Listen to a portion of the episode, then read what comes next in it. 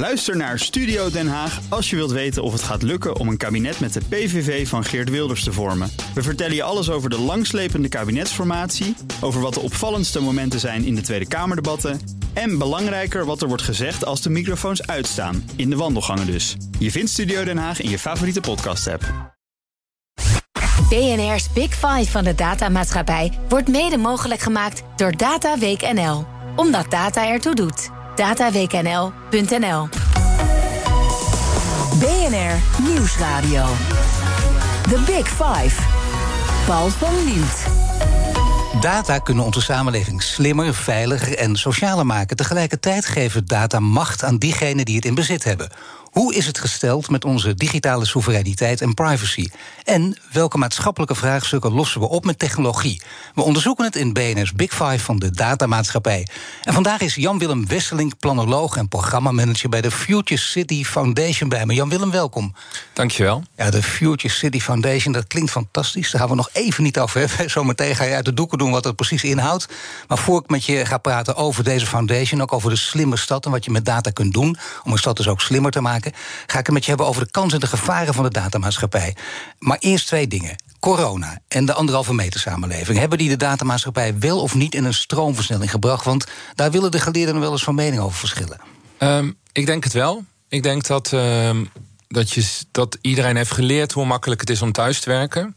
En iedereen heeft ook geleerd uh, dat je elkaar uh, wel kan missen na anderhalf jaar. Dus, dus als de geleerden nu zeggen: van, ja, maar we zien dat iedereen weer in de file staat en uh, de treinen zitten weer vol, dat zitten ze ook. Ja. Dan is dat volgens mij omdat we elkaar nu weer heel graag willen zien. Dus een beetje vergelijkbaar toen ik de eerste keer naar het stadion ging, weer na de, na de corona, was de sfeer van: goh, wat fijn dat we, dat we hier weer überhaupt zijn. Maar welk stadion? Ik ga altijd naar de Eagles. En, oh, oh, kijk aan. ja, naar ja. Deventer. Ja, ja, ja, de Vetkampstraat. Precies. Ah, mooi midden in de stad, zo. dat is wel echt bijzonder, ja.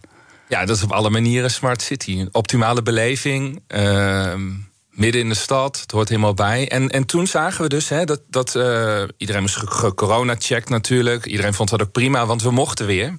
En dat was ook de sfeer. En we verloren volgens, nou, we waren ook voor het eerst weer in de Eredivisie. En we verloren ook Hey. Uh, met met 1-0 of zo. Maar daar ging het helemaal niet om, want we waren er weer met elkaar. En dat, dat was jou gewend ook natuurlijk. Ja, maar...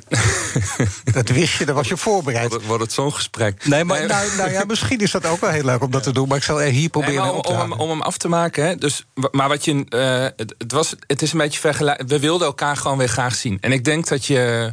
Op een gegeven moment balen we gewoon weer dat we verliezen. En op een gegeven moment balen we ook weer van die file. En dan denken we... Uh, dan gaan we denken weer ons herinneren dat dat uh, online werken, dat online vergaderen gewoon heel veel voordelen biedt. Dus ik denk dat we nu een soort piek zien en even weer met z'n allen uh, naar buiten. En dat we daarna ons weer herinneren hoe die anderhalf jaar waren en dan een soort middenweg vinden. En, en het interessante van die coronatijd is natuurlijk dat we gewoon alles konden. Dus binnen een week was toch gewoon een heel groot deel van onze, onze stedelijke economie overgeschakeld naar online. Dus ja, nee, begrijp. Dus er is één kant. Gebeurde. Maar interessant wat je zegt, want er gaat dus wel degelijk. ook mensen die zeggen: nee hoor, we zijn weer terug in het, in het nieuwe normaal. Het oude normaal, niets aan de hand. Jij zegt wel degelijk, straks gaan we een soort middenweg bewandelen. Maar we kijken ook naar degenen die, die er vooral van geprofiteerd hebben. En als je kijkt naar onderwijs op afstand, naar digitaal vergaderen, naar online winkelen. De clouddiensten van Amazon, van Alphabet, van Microsoft, die hebben vooral geprofiteerd. Dat is ook een, ook een bepaalde kant van de medaille. Um, ja. Um, het is ook niet. Kijk, dus, dus uh, als, als winstwaarschuwing voor dit gesprek. Het is ook niet per se uh, goed wat er allemaal gebeurt. Hè. Dus ik ben. Ik ben we zien een verandering op ons afkomen. Dus Smart City gaat niet over dat. Of digitalisering en technologie gaat niet over dat alles beter wordt. Uh, we zitten in een industriële revolutie en die verandert zaken. En we moeten met elkaar de komende jaren borgen dat de dingen die dat we het zo gaan inregelen dat het wordt zoals we het willen. dat we de democratie versterken, dat we duurzame steden krijgen. Maar het kan ook anders. Het kan ook gewoon misgaan. als we dus niet opletten nu, als we nu niet goede regels stellen, als we niet met elkaar nadenken, dan. Uh, dan wat? Ja, dan heb je wel kans dat, uh, dat, dat die, die platforms, waar deze week best veel over ging, dat die uh, veel meer macht krijgen dan we misschien wel willen. En dat die ook dus de democratie kunnen ontwrichten. Ja, ja, ja. De, de, ja. Dus wij hebben. Wij hebben een city deal die heet Slimme Stad, zo doe je dat. En daar hebben we in gezegd van alles wat wij doen, moet de democratie versterken. Want ik hou niet zo van, eh, van, die, van dat negatieve. Maar dat is natuurlijk best wel een challenge die we met elkaar hebben. Je houdt niet van het negatieve, maar uh, je let natuurlijk wel op. Uh, deel je zelf gegevens met, met databedrijven via een smartphone of via Apple Watch? Ik, ik ben niet. Uh, ik, ik probeer daar. Ik, ik let daarop. Maar ik vind bijvoorbeeld Google Maps wel heel erg fijn. Ja, ja. Maar, nee, nee, dat begrijp ja, dus ik. Maar er, zijn, er, zijn, er zijn dus sommige diensten die zo goed zijn geworden... dat, je, dat het wel moeilijk is om die niet te gebruiken. Maar ik bijvoorbeeld, uh, ik vind... Uh, ja, de browser is van DuckDuck... Uh, ik gebruik zoveel mogelijk Signal, dat. Ja, ja toch, maar zoveel mogelijk. Dat is ook een mooie, want het is lastig om dat voortdurend ook te doen. Ja, ja, dat is. Omdat niet iedereen erop zit en dan krijg je toch lastige communicatie met elkaar. Is dat voor jou de belangrijkste reden? Um, uh, ja, nu nog wel. Maar we zien ook wel. Het, het, het, het, positieve is ook wel dat er steeds meer mensen wel overstappen. Hè? Dus dat er wel steeds meer mensen daar wel op letten. Het positieve is ook dat we in Europa echt de toon zetten uh, op, op democratisch gebied. Um, en het positieve is ook wel dat de wereld er niet verloren is. Dus we, dus we zitten in een fase waarin we ook gewoon die regels kunnen stellen. En tegen bedrijven kunnen zeggen dat, ze, dat het allemaal wel wat minder kan. Tuurlijk, maar dus een hele spannende fase. Echt, uh, iedereen moet opletten, maar nog meer dan ooit, kun je zeggen. Dan ga ik jou de moeilijkste vraag stellen, toch een beetje aan het begin eigenlijk, min of meer. We praten over die slimme stad. En de makkelijkste vraag is, wat is een slimme stad? Voor jou, denk ik, de moeilijkste beantwoorden. Maar als je een poging waagt, welke richting komen we op? Uh, uh, wij, hebben, wij hebben in de City Deal en bij de Future City het zo gedefinieerd dat het erom gaat dat je, dat je onderzoekt hoe digitalisering en technologisering uh, zorgt voor uh, leefbare steden, zoals bedoeld in de SDG's. Dus vooral SDG, Sustainable Development Goal 11, gaat heel erg over leefbare steden. De Sustainable Development Goals van de Verenigde Naties, waar iedereen zich probeert aan te houden. Ja, en wat je, ook, wat je ook in heel veel gemeenten en bij heel veel overheden gewoon op de een of andere manier terugziet. En, um, en het moet de democratie versterken. Dus wij, wij willen dat uh, technologisering en digitalisering biedt enorm veel kansen. Ik vind dat we die moeten benutten. Want de opgaven zijn enorm. Hè. Ik bedoel, uh, kijk naar het stikstofprobleem, kijk naar de mobiliteitsproblematiek. Het is heel dom om die kansen niet te benutten. Maar je moet het wel op een hele goede manier doen. Dus maar kun je wat voorbeelden? Natuurlijk moet je het op een goede manier doen. Maar kun je een paar goede voorbeelden noemen van hoe kun je deze problemen oplossen? Of pak er maar eentje uit. Um, wat ik een interessante uh, tool vind zijn, is eh, het project Snuffelfiets. En daar wordt uh, met uh, kastjes op de fiets lokaal gemeten. Dus dan wordt de lokale luchtkwaliteit gemeten. En dat, en dat, heeft, dat is een heel interessant project, omdat het heel lokaal in kaart brengt wat de luchtkwaliteit is. Nou, als je dat grootschalig weet in te voeren, kan je dus echt schone routes uh, detecteren van viezere routes. Je kan ook heel veel leren over hoe luchtkwaliteit door de stad uh, verspreidt. Dus je kan er ook op een hoog niveau iets van leren. En, je, en het gaat heel erg over burgerbetrokkenheid. Dus mensen vinden het gewoon ook heel erg leuk om te doen. Dat vind ik een interessant project. Een ander interessant project is bijvoorbeeld dat er in. Uh, uh, hulpvoertuigen, dus brandweerauto's en politieauto's, ja. uh, nu een, een, app of een applicatie zit waardoor ze uh, slimme verkeerslichten op ehm, op de goede kleur kunnen zetten. Hè? Dus groen voor hun en rood voor de anderen. Zodat er minder ongelukken ontstaan uh, als zij over zo'n kruispunt moeten. En zodat ze ook sneller bij, bij het ongeval uh, zijn. Nou, dat zijn allemaal. Uh, slim, dat zijn twee slimme voorbeelden van hoe je vanuit verbondenheid en heel flexibel nadenken ehm, de stad uh, slimmer maakt. Maar je noemt er nu twee die voor mij heel duidelijk zijn. Stel dat wij hier nu uh, drie uur de tijd hadden... en ik vroeg aan jou, noem er nog eens tien, dan zou dat kunnen. Er zijn echt heel veel van dit soort ja, voorbeelden. er zijn heel veel voorbeelden. We staan dus niet aan het begin, zeg jij, maar we zijn al, het is al gaande. Je kunt je wel tegenkeren, maar dat heeft geen zin. Ja, we zijn voorbij het point of no return. Ja, dat denk ik wel. De internet is geen hype, toch? Nee, dat is, eh, dat is, eh, nee, dat nee, is heel duidelijk. Nee, om, en daarom, dus die voorbeelden zijn wel interessant. Hè? Er zijn heel veel voorbeelden. En ook er zijn ja. 420 pilots geweest in Nederland de Zo. afgelopen jaren. Op 420 pilots? Ja, ja, die zijn geïnventariseerd. Nou, misschien zijn het iets meer of minder, maar echt veel. Um, er zijn ook heel veel producten op de markt. Um, het probleem is veel meer. Uh, dat, dat, die producten en die pilots niet automatisch uh, uh, op de goede manier gebruikt worden. Dus wat wij proberen is uh, wat wij zeggen is, je moet eerst een visie hebben. Je moet dus eerst snappen hoe het systeem in elkaar zit. En dan moet je de processen zo inrichten dat je vanzelf die goede tools gaat gebruiken. Ik zou het liefst al die 420 pilots zo meteen met je gaan bespreken. Misschien gaan we dat doen in snelheid. Ik kan, ik kan het rapportje wat pakken. The Big Five. The Big Five. Paul van Liemt. Mijn gast is Jan-Willem Wesseling, planoloog en programmamanager van Future City Foundation. En deze, ja, deze seconde waar het om ging, hebben we toch maar besloten om dat niet te doen. Dat, dat vind je ook, dat gaat net te ver. Zoals gezegd eh, ben je naast planoloog ben je dus programmamanager van Future City Foundation. En ik heb een aardige tekst gevonden, gewoon op jullie eigen website. Even, jij moet jezelf daar omschrijven. En je zegt, ik ben sterk inhoudelijk gedreven en word enthousiast als ik mooie ideeën mag bedenken en uitvoeren. Ik ben flexibel en oplossingsgericht. Iemand noemde mij ooit een pragmatische dromer. Daar ben ik trots op. Zo. Gut. Egootje, dacht ik. Ja. ja. Jongen, ja. jongen. Ja, ja, wel een mooi tekstje eigenlijk, toch? Ja, een mooi tekstje. Ja. Iemand het voor je, heb je zelf geschreven? Of? Dat heb ik vast zelf bedacht. Maar pragmatische dromen, wat bedoel je daarmee? Um, dat ik kan, dat ik me kan voorstellen. Het is wel een wat oude tekst, John. Ik zou het denk ik oh, niet, meer het niet meer aanpassen. Ja, ik, ben, ik, ben, nog wel een pragmatische dromer, maar misschien wel iets realistischer geworden. Maar dat is wel interessant. want dat is een belangrijke ontwikkeling, ook in deze tijd. Omdat dromen, dat is bijna van oude tijden ook. Dat wilden we wel, maar dat durven we toch ook niet. En dromen staat ook, dat is positief, maar het staat ook voor een beetje slaapwandelen door het leven gaan. misschien misschien uh, is het niet zozeer niet meer. Kijk, de droom is uh, dat we die wereld zouden. En dat we dus digitalisering, technologisering inzetten, zodat we een mooie wereld krijgen. En, het en de nachtmerrie is uh, dat dat niet gebeurt. En, en het kan allebei gaan gebeuren. Dus daarom is, daarom is deze week ook heel fijn, omdat er dan gewoon veel over gepraat wordt en veel bewustzijn kan komen dat ook andere mensen. Deze week gaat alles veranderen. Dat is, dat is wel de inzet. dit is het, dit is het tipping point. En uh, Um, en het pragmatische zit er wel in dat, we wel heel fijn, dat ik het wel heel fijn vind als je ook echt dingen gaat doen. Dus alleen maar een, een visie is best makkelijk. Maar, maar uh, waar, waar het ingewikkelde zit, is in procesverandering. En nou ja, het idee van dat ze inderdaad heel vaak, dat is mooi dat je dat zegt ook, want visie is eh, makkelijk. Nou ja, niet voor iedereen, maar stel, er is een behoorlijke groep die daartoe in staat is, maar vervolgens ze daarbij laat. En dat betekent het idee, maar de uitvoering laten ze achterwege. Ja, dan, Zelfs misschien wel kijken ze er af en toe op neer. Op, ze vinden het eigenlijk maar niks. Dat is, dat is voor de anderen. Maar ik ben uh, degene van de visie. Het gaat visie van is wel belangrijk, hè? Maar van idee tot uitvoering dus. Ja, dat is belangrijk, want dan verander je echt dingen. En, en, het, en het ingewikkelde zit volgens mij in de hoe.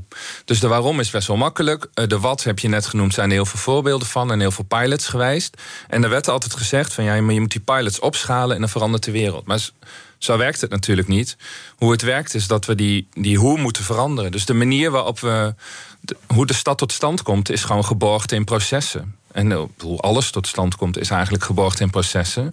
En als we goed gebruik willen maken van wat we dan zo interessant vinden in die visie. En wat we leren in die pilots, moeten we die processen aanpassen. En dat, en dat proberen we in uh, onder andere die City Deal en bij de Future City Foundation. Ja, nou dat vind ik dan best toch een ingewikkeld, hè? Want jij zit er heel goed in, je weet wat het is. Maar als mensen over processen beginnen, dan, dan dwaal ik al vaak af. Dan denk ik, oh wacht even, processen, protocollen, wat bedoel je dan precies? Um, wat, ik, wat ik bedoel is dat bijvoorbeeld uh, de, Kijk, de, de, als we hier naar buiten kijken, zien we een stukje Amsterdam. Ik kijk even met je mee. Ja, ja. inderdaad, ik ben heel op jou gericht, maar je hebt gelijk, meer naar buiten ik, ik kijk uit op het onderwerp. En, de zon eh, schijnt. ja, het is een fantastische dag.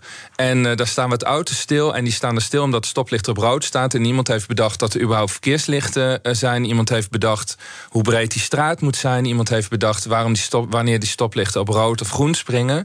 Dus je kijkt eigenlijk ook uit op een heel groot systeem. En dat systeem is er niet zomaar. Er liggen allerlei ruimtelijke processen achter die, tot, die dat tot stand hebben gebracht.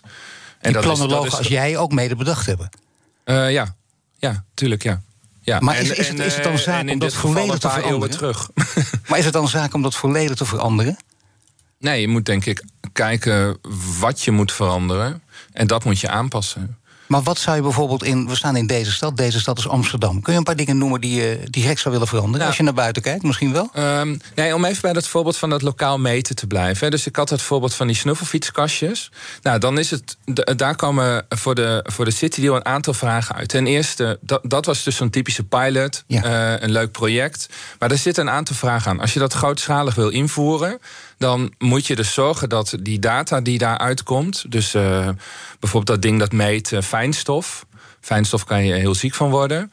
Nou, dan moet je wel weten dat de fijnstof die met dat kastje gemeten wordt, vergelijkbaar is met uh, de fijnstof die met een andere sensor gemeten wordt voor misschien een ander project.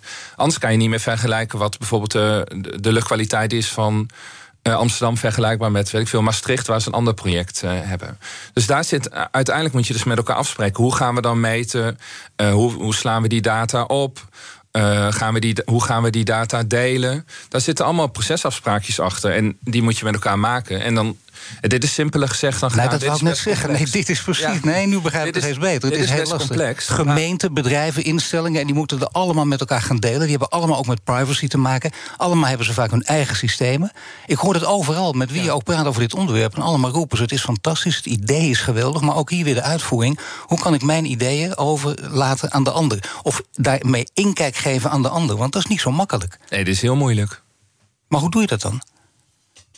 Wij doen het door de uh, goede partijen bij elkaar te brengen. En die met elkaar dat samen te laten oplossen. En dan beantwoorden een aantal van die vragen beantwoorden we. Lang niet allemaal. Ik bedoel, wij maar mag, mag je een paar van die partijen noemen? Het zijn geen geheime projecten, neem ik aan. Nee, van...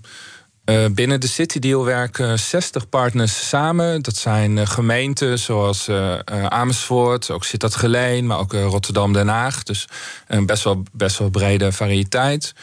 Uh, dat zijn uh, provincies zoals uh, Zuid-Holland. Een waterschap zit erbij. Dus een beetje die overheidskant. Ook, ook altijd ministeries zitten erbij. Want City Deal is een initiatief van het ministerie van BZK. Dus die doet mee.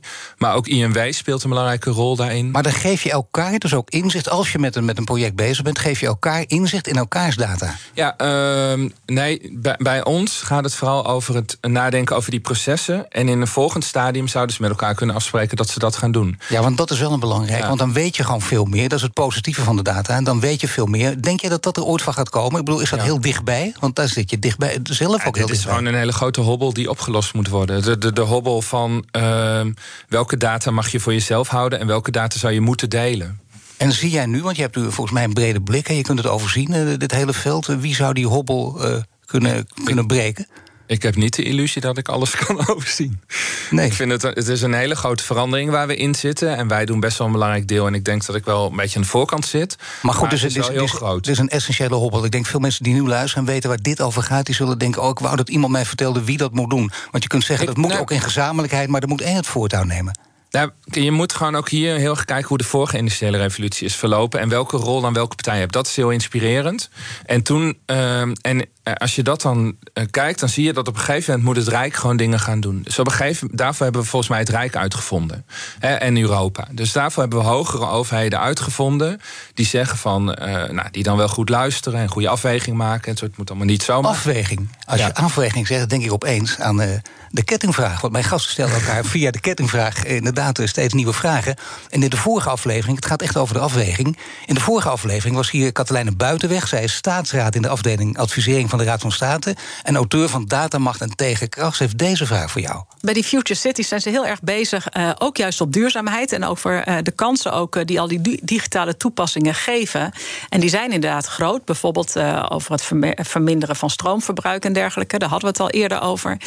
Um, tegelijkertijd ja, zijn die digitale uh, toepassingen die kosten en heel veel stroom zelf, maar ook uh, kostbare of uh, schaarse metalen. En mijn vraag aan hem is: op welke wijze gaan ze dat nou meten? Dus op welke wijze ga je nou echt afwegen wanneer iets eigenlijk meer milieuschade kost dan, dan het oplevert? En dan liefst even kort op die laatste vraag antwoorden. Op welke wijze ga je afwegen wanneer iets meer milieuschade kost dan het oplevert? Moeilijke um, vraag, hè? Ja, omdat het gewoon omdat het een hele makkelijke vraag lijkt. En die natuurlijk enorm is. En je ook op alle levels antwoorden kan geven. Dus je kan. We pakken maar één leveltje uit. Nou, als je het. Nee, ik, ik doe dat. Want dit illustreert wel mooi hoe complex het is. Hè? Dus het. Dus het um, en het, de grap is ook, ik heb deze. We hebben een appgroep met een heleboel partijen. En ik heb gezegd: joh, deze vraag kan voorbij. Uh, wat vinden wij er dan van? Hè? Dat we dan ook maar wisdom oh, of the crowd meteen toepassen. En er kwamen verschillende antwoorden op. En een antwoord was bijvoorbeeld. Ja, zo, zo, die vraag is zo groot, daar kan je eigenlijk op voorhand helemaal niks van zeggen.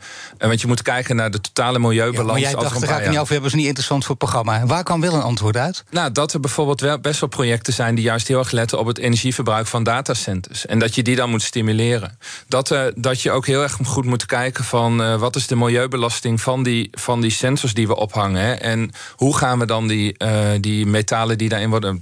dat noemt Katelijne als voorbeeld. Hoe gaan we die, die materialen dan hergebruiken. En ook dat moet je dan met elkaar regelen. ik, ik, kom daar heel tijd een beetje op terug, omdat we volgens mij gewoon in die fase zitten. We zitten in die fase. Er is nog veel meer uit die appgroep gekomen. Misschien dat we dat zo meteen ook nog even behandelen. Straks praat ik sowieso verder met Jan-Willem Wesselink over de datamaatschappij. Blijf luisteren. Ook Liesbeth Staats vind je in de BNR-app. Ja, heel handig. Luister live naar Kees en mij tijdens de Daily Move. Dan blijf je ook gelijk op de hoogte van breaking news en het laatste zakelijke nieuws. En daar vind je ook alle BNR-podcasts, waaronder de Perestrooikast. Download nu de gratis BNR-app en blijf scherp. BNR Nieuwsradio. The Big Five. Paul van Liemt. Welkom bij het tweede half uur. Deze week vijf kopstukken uit de wereld van de datamaatschappij. Eerder deze week sprak Diana Matroos met Valerie Frisse over het snijvlak van sociale wetenschap en digitalisering. Terug te luisteren via de BNR-app. De gast is Jan-Willem Wesselink. Hij is planoloog en programmamanager Future City Foundation. En ook onder zijn hoofdredactie verscheen het boek Zo bestuur je een slimme stad. De democratie versterken met een digitaliserende samenleving. En veel uit het boek komt natuurlijk uh, onderhuids ook terug in deze uitzending. Komend half uur, uh, Jan-Willem, wil ik uh, twee onderwerpen nog met je bespreken. Namelijk de slimme stad en privacy. Maar ook uh, de slimme stad is niet zonder mensen. Laten we met dat laatste beginnen. Want ja, uh, we horen ook uh, nieuws, we horen altijd berichten natuurlijk ook. Ook een beetje in deze tijd over de slimme knal en de domme knal. ja, dus je zou zeggen, ja, dat vonden we allebei wel grappig ook. Ja. De slimme stad heb je ook, maar je hebt dus ook domme steden blijkbaar, of niet? Nee, Nee. Je hebt wel domme knallen, denk ik. Maar ja. nee. je, hebt denk geen, je hebt geen domme steden of slimme steden. En dat, dat is wel interessant dat je dat zegt, want dat wordt wel vaak gevraagd. Hè, van, uh, zeg dan wat de slimste stad is van Nederland. Of wat is nou een heel goed voorbeeld van een slimme stad? Ja, goede vraag. Ik kan ja, vergeten. Maar ja, was het antwoord dan? Ja, dat het gewoon niet helemaal zo gaat. Dat het gewoon veel meer, dat het veel geleidelijker gaat. Zoals, zoals, uh, zoals gezegd, in die, zoals, dat hoort ook bij een industriële revolutie. Overal zijn de dingen aan de gang. En over 50 jaar denken we, goh uh, dat was de tijd waarin alles veranderde. En nu zien we hoe het geworden is. En dat is ook niet zo gek. Er staan uh, 7 miljoen uh, huizen in dit land en nog een heleboel andere gebouwen. Dus een heel groot deel van de stad is af. Wat interessanter is, is dat er nog ook een miljoen huizen gebouwd moeten worden tot 2030. En, en daar kan je, dus dat zijn er relatief uh, best wel veel. En daar kan je echt wel over nadenken van kunnen we nou die.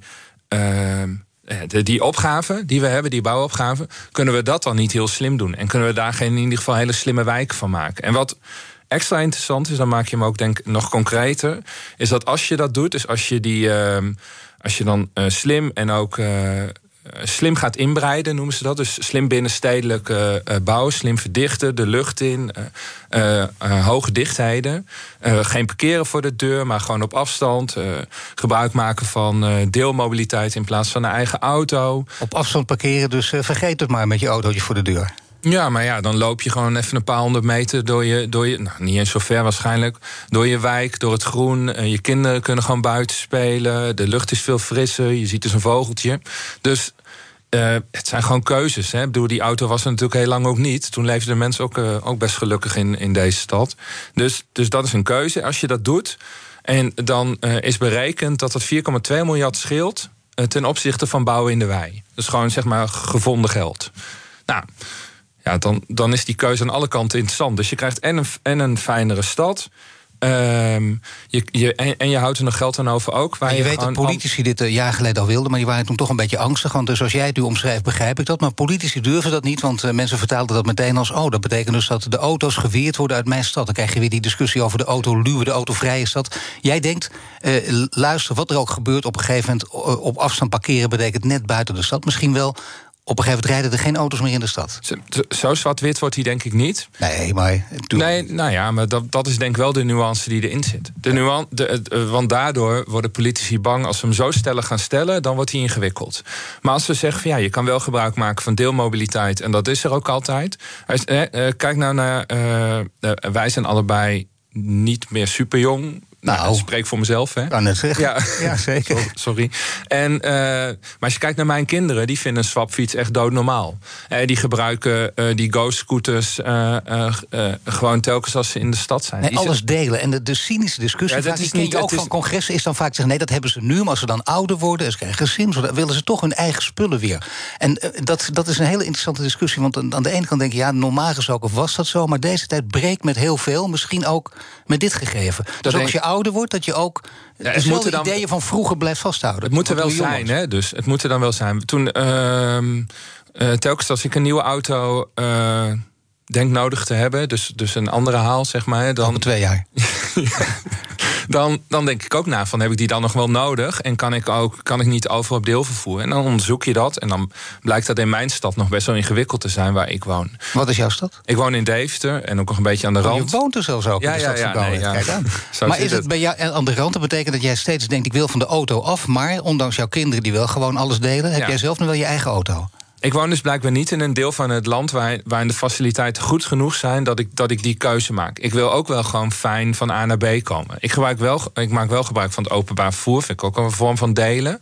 Maar uh, ik, ik vind dat stuk nog ingewikkeld. Maar ik, ik ben niet onwelwillend. En ik denk dat, uh, dat die nieuwe generatie dat nog makkelijker vindt. Omdat die nog meer opgroeien met het idee die, dat bezit niet vanzelfsprekend is. Die hebben geen cd's, die hebben gewoon Spotify. Hè. Dus die zijn veel meer opgegroeid met dat idee... en die hebben alleen spullen omdat ze het fijn vinden. Dus, uh... Als je dit zegt, dan ga je misschien ook wel af van het idee... van de hele discussie over ongelijkheid. Althans, die ga je anders bekijken. Want als je nu naar de cijfers kijkt...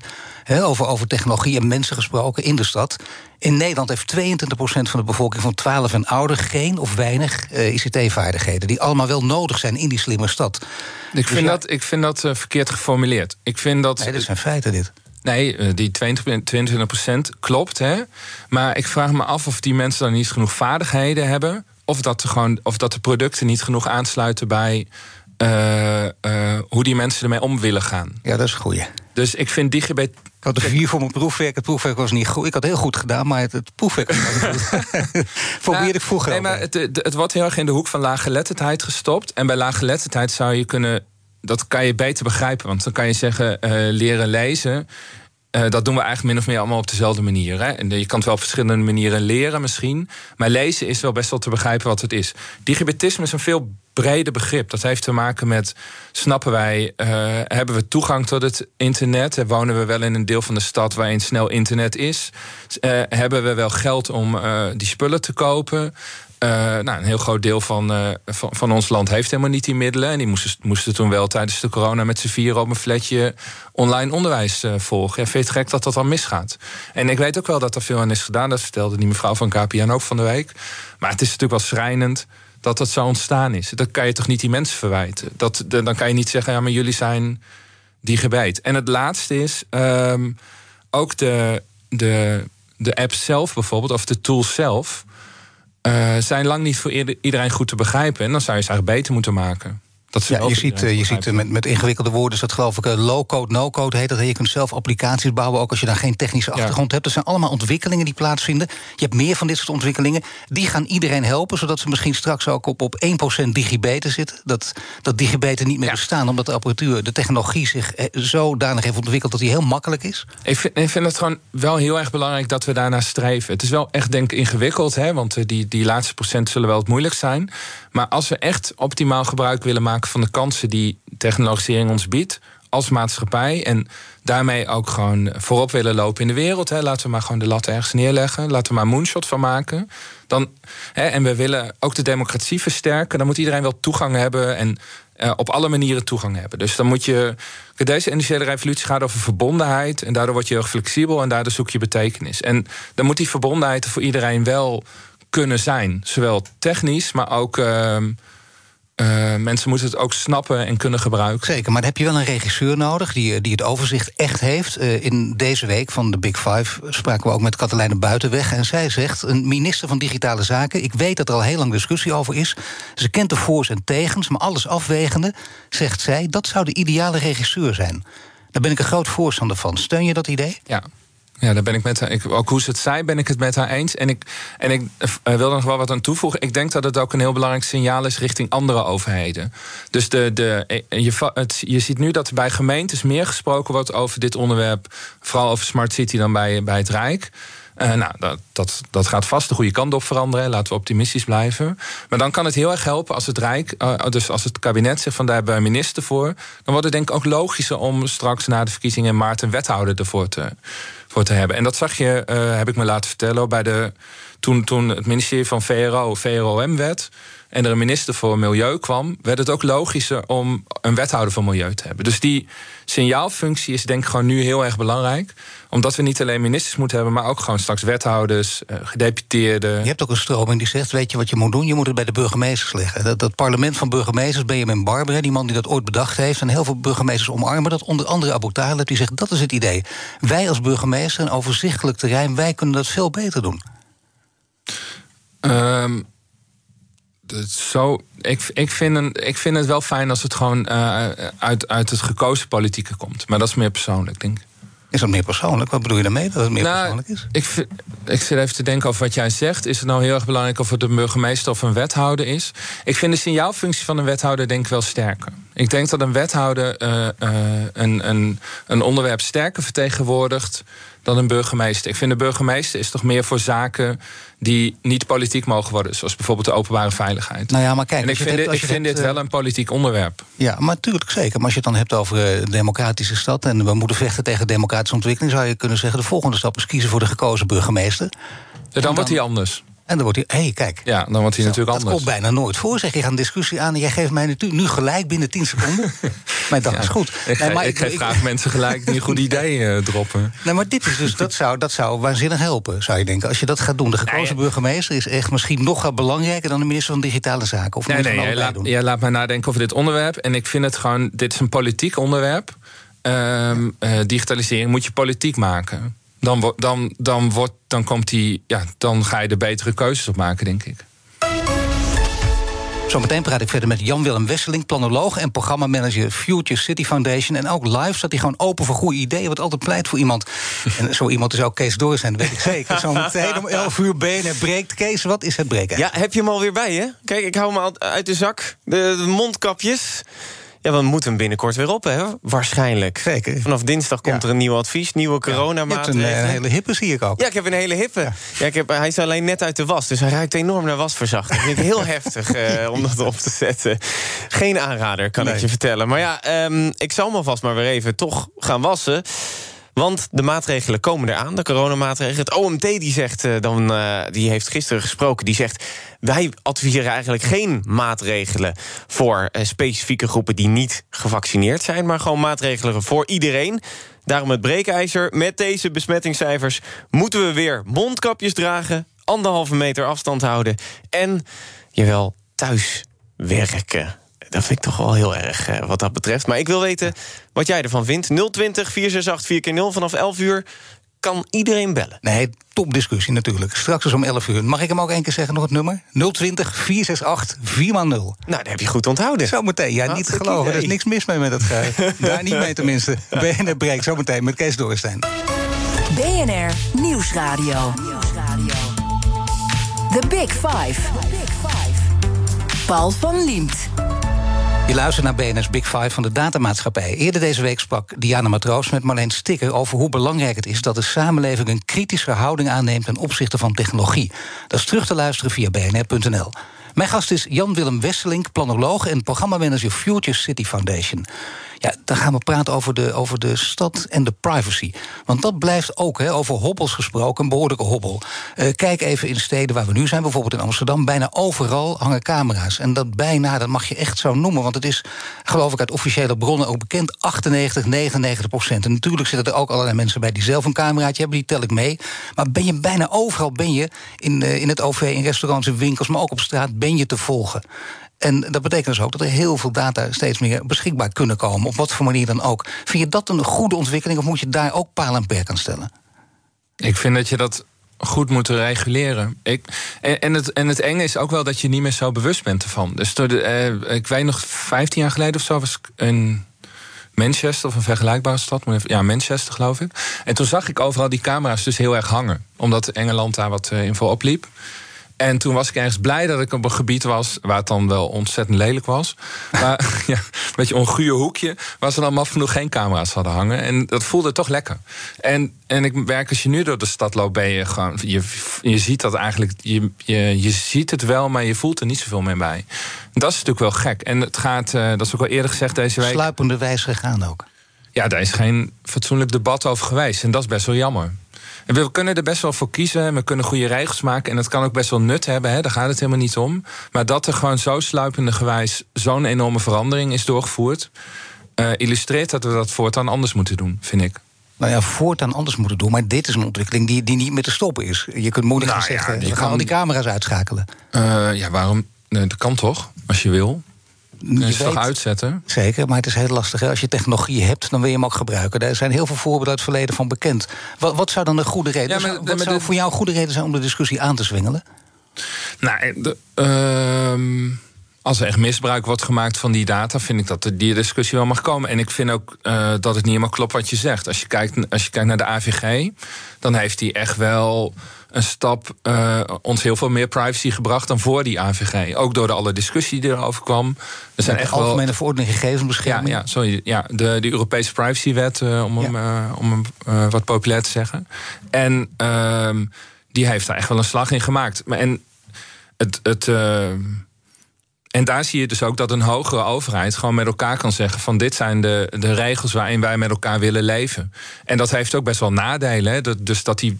Uh, we, zijn ook bezig in het sociaal domein uh, met een city deal die heet Slim Maatwerk. En die gaat over hoe kan je digitalisering inzetten om mensen die vaak meerdere hulpverleners hebben, omdat ze een ingewikkeld probleem hebben, om die te helpen. Nou, door de AVG wordt er gezegd dat die hulpverleners moeilijker met elkaar kunnen communiceren dan voor die AVG. Dat is niet per se uh, uh, prettig. En, en dan moet je volgens mij met elkaar aan de slag van hoe gaan we dan regelen dat dat daar wel kan.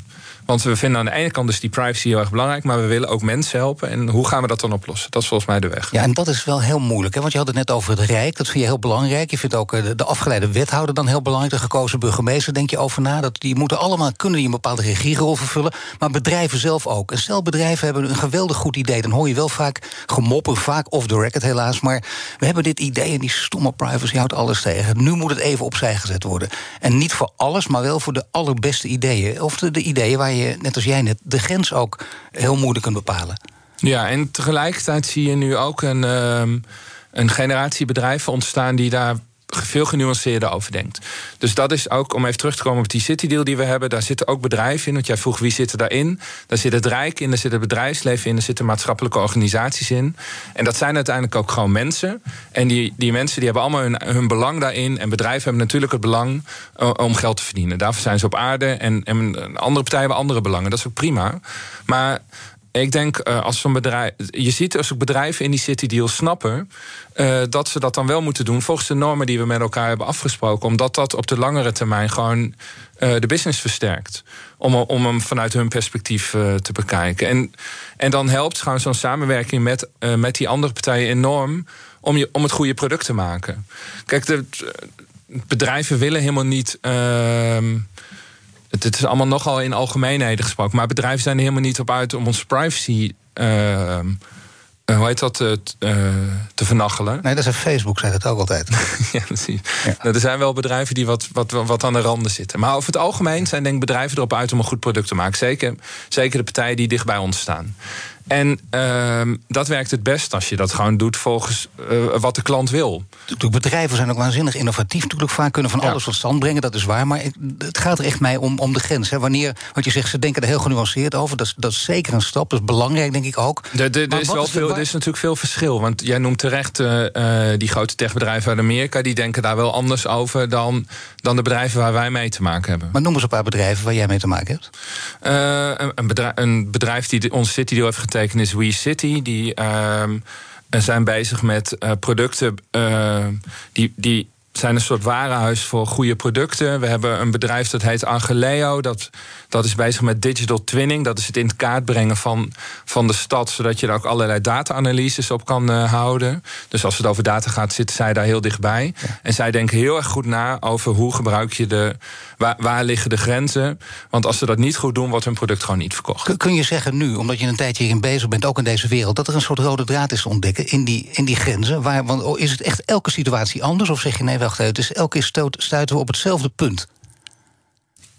In, in de gesprekken die wij hebben? Als het gaat over de privacy, hoe, ver je, hoe je daarmee om moet gaan? Um, nee, die vind ik wel moeilijk. Wat, en ik vind ook sowieso die discussie focust, als die heel erg focust op de privacy, dan wordt die te eng. Ik vind dat je veel meer moet nadenken over. Um, hoe verandert ons democratisch bestel? En dat heeft heel erg te maken met autonomie. Ik denk dat en ik vind die wel, dus, dus dan krijgen we nu dan zo'n gesprek van: goh, ik geef je gelijk. Want ik vind autonomie namelijk wel heel ingewikkeld. Wat dat dan precies, want dan wordt altijd gevraagd: wat bedoel je daarmee? Ik vind dat wel een heel ingewikkeld begrip.